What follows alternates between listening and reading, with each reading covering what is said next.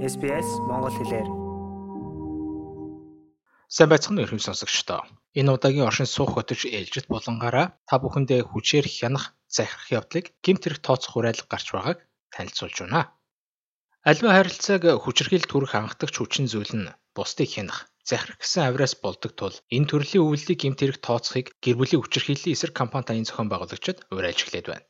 Ялангуяа төр хугацааны визээр оршин суугаа хохирогчдын хувьд хууль тогтоомж, төрийн үйлчилгээний цоорхоо байсаар байгаа гэдгийг нийгмийн чиглэлээр олон үндэстнүүдэд дэмжлэг үзүүлэх ажил эрхэлдэг хүмүүс онцлсоор байгаа юм. Хүчээр хянах байдлыг тогтоох боломжгүй байгаа явдал нь бас нэг талаараа энэ төрлийн хүчирхийлэл далд хэлбэрт оршиж буй шалтгаан босоор байгаа гэдгийг гэр бүлийн хүчирхийллийн чиглэлээр сүүлийн 4 жилийн турш судалгаа явуулж буй эрен сурвалжлах сэтгүүлч Джесс Хил онцолж байлаа. If you feel like you're having to ask for an allowance Хүчээр хянах хүчирхийлэл гэдэгт мөнгө зарцуулах, эсвэл ойр зүрийн хэрэглээний мөнгөө зөвшөөрлөөр авах. Мөн гэр бүл найз нөхөдтэйгөө уулзах ихтэй хамтран амьдрагч нь хордог болсон. Үүний улмаас тусгаарлагдсан мэт санагддаг болох. Байнга таныг доош шийж, буруутгадаг болсон. Хэрв таныг салбал өөрийгөө, эсвэл үр хүүхдийг тань, эсвэл гэрийн тижээвэр амьтнаа гимтэх болон алхаар занл хийх зэрэг үйлдэлүүд багтаж байгаа. Тэгвэл гэр бүлийн хүчирхийллийн эсрэг олон үндэсний байгууллага болох энэ тач төвийн сүүлийн тайлангаар гэр бүл хүчирхийлэл үйлдэгчдийн 92% нь энэ төрлийн захиргаадан хянах авир гаргадаг болохыг онцлсан байна.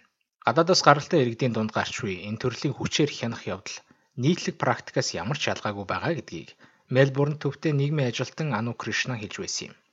Гэвч соёлын онцлогоос шалтгаалж энэ төрлийн үйлдэлүүдийг хүчирхийлэл гэж үзэхгүй байх явдал түгээмэл тохиолддог байна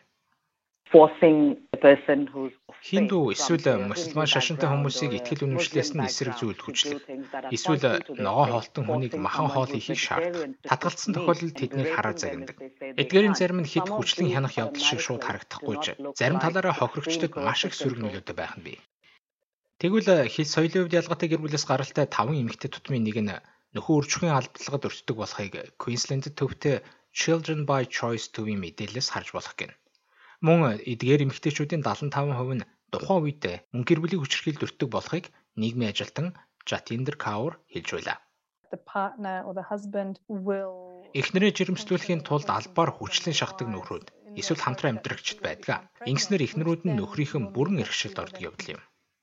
Хүчээр хянах захиргаадах явдлын золиос суусан эмэгтэйчүүдийн дийлэнх нь харилцаанд ямар ч хүчгүй болсноо мэдэрдэг болохыг хэл соёлын хувьд ялгаатай гэр бүлээс гаралтай эмэгтэйчүүдэд гэр бүлийн хүчирхийллийн чиглэлээр тусалцаа үзүүлдэг Gold Coast төвтэй Sara төвийн менежер Marisa Ristic онцолж байсан юм. Her job is to bend her head. Үнэн дээр толгоогоо бүхийлгөөд хийсэн бүгдийг нь хийдэг эмэгтэйчүүд бий. Тэдний дийлэнх нь амьдралынхын талаар гаргасан нөхрийнхэн бүх шийдвэрийг хүлээн зөвшөөрөх нь сайн ахнар байх явдлаа гэдэгт итгэсэн байдаг. Энэ нь зөв бус харилцаа гэдгийг тэд ойлгож хүлээж авахгүй байх нь маш төвөгтэй зүйл юм. Гэр бүлийн хүчирхийллийн золиос буужин эмэгтэйчүүдийн хувьд Австралид анх эрэхтэй ямар ч таньж мэд хүнгүй байдаг нь боломжтой бүх төрлийн тусламж дэмжлэгээс хол байлгадаг болохыг нийгмийн ажилтан Ану Кришна мөн хэлж байсан юм. These perpetrators can be really really very Зарим хүчирхийлэгчдийн хувьд ихээхэн залжин байдаг. Ихтрээ гарч хүмүүстэй уулзахыг хүсэхгүй байгаа гэх зэрэг тайлбараар тухайн эмэгтэйд туслах боломжтой хүмүүсийн бодлыг эргүүлждэг.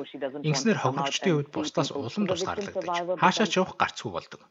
Үүнээс гадна төр оршин суух визтэй хохирогчд нь визээ цуцлуулж магадгүй гэсэн айцсаа болж хүчирхийлэлд өртөж байгаагаа мэддгээс цааргалдаг болохыг Джесси хэлж байсан юм.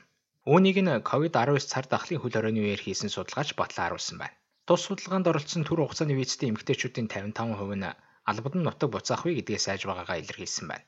Мөн тус судалгаанд хамрагдсан эмэгтэйчүүдийн 60% нь нөхөр эсвэл хамтран амьдрагч нь визийг нь зурсуулна хэмээн сүрдүүлсэн гэдгийг хэлсэн байжээ Дагалдан визээр Австрали улсад оршин сууж буй маш олон эмэгтэйчүүд албадан нутаг буцаагдахгүй гэдгээс имэж байгаа. Түншлэн гадаадаас шилжин ирсэн. Иргэншил авч чадаагүй эмэгтэйчүүдийн хувьд хараат бус бие даасан байдалд хүрэхэд маш их хаалт байна. Одоогоор Австралийн шилж хөдөлгөөний хуулиар гэр бүлийн хүчирхийллийн золиос болсон түр хугацааны хамтран амьдрагчийн визтэй болон гэрэлтийн визтэй хүмүүс л хосын харилцаагаа дуусгасны дараач байнгын оршин суугч болох боломж нээлттэй байгаа. Мэдээж хэрэг үүний тулд гэр бүлийн хүчирхийллийн хохирогч болж байсан гэдгээ баримтаар харуулах хэрэгтэй болдог. Харин бусад төрлийн төр хугацааны визтэй иргэдийн хувьд өөр арга зам хайхаас өөр арга байдаггүй гин. Тиймээс зарим хүмүүсийн хувьд визээ цуцлуулаад зогсохгүй, үр хүүхдээсээ хагацах, цаашлаад амьдралаа залгуулах шаардлагаас эхлээд олон хүчин зүйлсийн улмаас хүчирхийллийг дэвшин амьдрахад хүрдэг гэдгийг хуульч Али Мочтахеди хэлж байлаа. So by the time Хохирогч харилцаагаа орхин явах шийдвэрийг гаргах үед тэд аль хэдийн санхүүгийн хувьд докторгүй байдалд хүрсэн байдаг. Тэдэнд тусламж авахд ямар ч танил тал байхгүй болсон байдаг. Зарим нь эрүүл мэндийн үйлчилгээч хүрэх боломжгүй байдаг. Ийм үед тэд хүчирхийлэл үлдэж, тэднийг цаг наргүй хянаж байдаг хүнд найдахгүйгээр хэрхэн хамгийн анхан шатны төвшөнд амьдралаа залруулах вүлээ дээ. Хүчирхийллээ дэвчгээ болоод зүхтаасан ч одоо маш хүнд байдалтайгаар машинд амьдарч байгаа үйлчлүүлэгч хүрт бидэн байдаг. Ийм байдалтай хүмүүс хэр удна гэж бодож байна. Олон үйлчлүүлэгчдийн хувьд энэ төрлийн бэрхшээлүүдийн улмаас хүчирхийлэлтэй харилцаагаа төвчж амьдрахаас өөр аргагүй болдгоо гэдгийг Мариса Ристиг мөн хэлж байсан юм. Шилжих хөдөлгөөн болон нийгмийн халамжийн системд төр визтэй оршин суугчдыг орхитуулсан цорхойг хүлээн зөвшөөрдөг болохоор Ристикийн хувьд ч гэсэн ихэнхдээ нөхцөл байдлаа дэвшлүүлэх боломж өгье. Аюулаас арай хол байгаа эмэгтэйчүүдэд тусламж үзүүлдэг гэнэ. Тэдэнд бид гэр бүлийн шүүхийн талаар хуулийн мэрэгжлийн зөвлөгөө, шилжих хөдөлгөөн гэр бүлийн хүчирхийллийн шүүхийн тусламжийн талаарх зөвлөмжөөс эхлээд цагдаагийн үүрэг оролцоо болон асуудал нь гэр бүлийн хүчирхийллийн шүүхтэр очивол яах талаар зөвлөдгөө. Австрали улсын хэмжээнд 7 хоног бүр нэг эмэгтэй хүн одоогийн болон хуучин хамтрагчийн гарт амиа алдгаа гэсэн тоо бий. Тиймээс хүчирхийллийн эсрэг байгууллагуудаас хүчээр хянан захиргаадах явдлыг гэмтэрэг тооцох ёстой гэж үзсээр байна. Одоогоор Тасман мужил хүчээр хянан захиргаадах явдлыг гэмт хэрэг тооцож байгаа. Бусад мужуудад үүнийг гэмт хэрэгт үүсгэх нь цаг хугацааны асуудал болсон гэдэгт сэтгүүлчээс итгэж явдаг гин. Queensland мужил ихэд хүчээр хянан захиргаатыг гэмт хэрэг тооцохоор ажиллаж эхэлсэн. Шинэ өмнөд Вэс мужийн хувьд энэ асуудал судалгааны төвшөндөө байна. Ер нь бүх муж нутаг дэвсгэрийн хувьд гэмт хэрэг тооцох хэсгээ бодолцоолсон. Хамгийн гол нь гадаадаас шилжиж ирсэн хүмүүс, хүүхдүүд, уугуул эмэгтэйчүүд гээд бүгд л энэ үйл явцад тэгш тусгагдах нь маш чухал юм аа.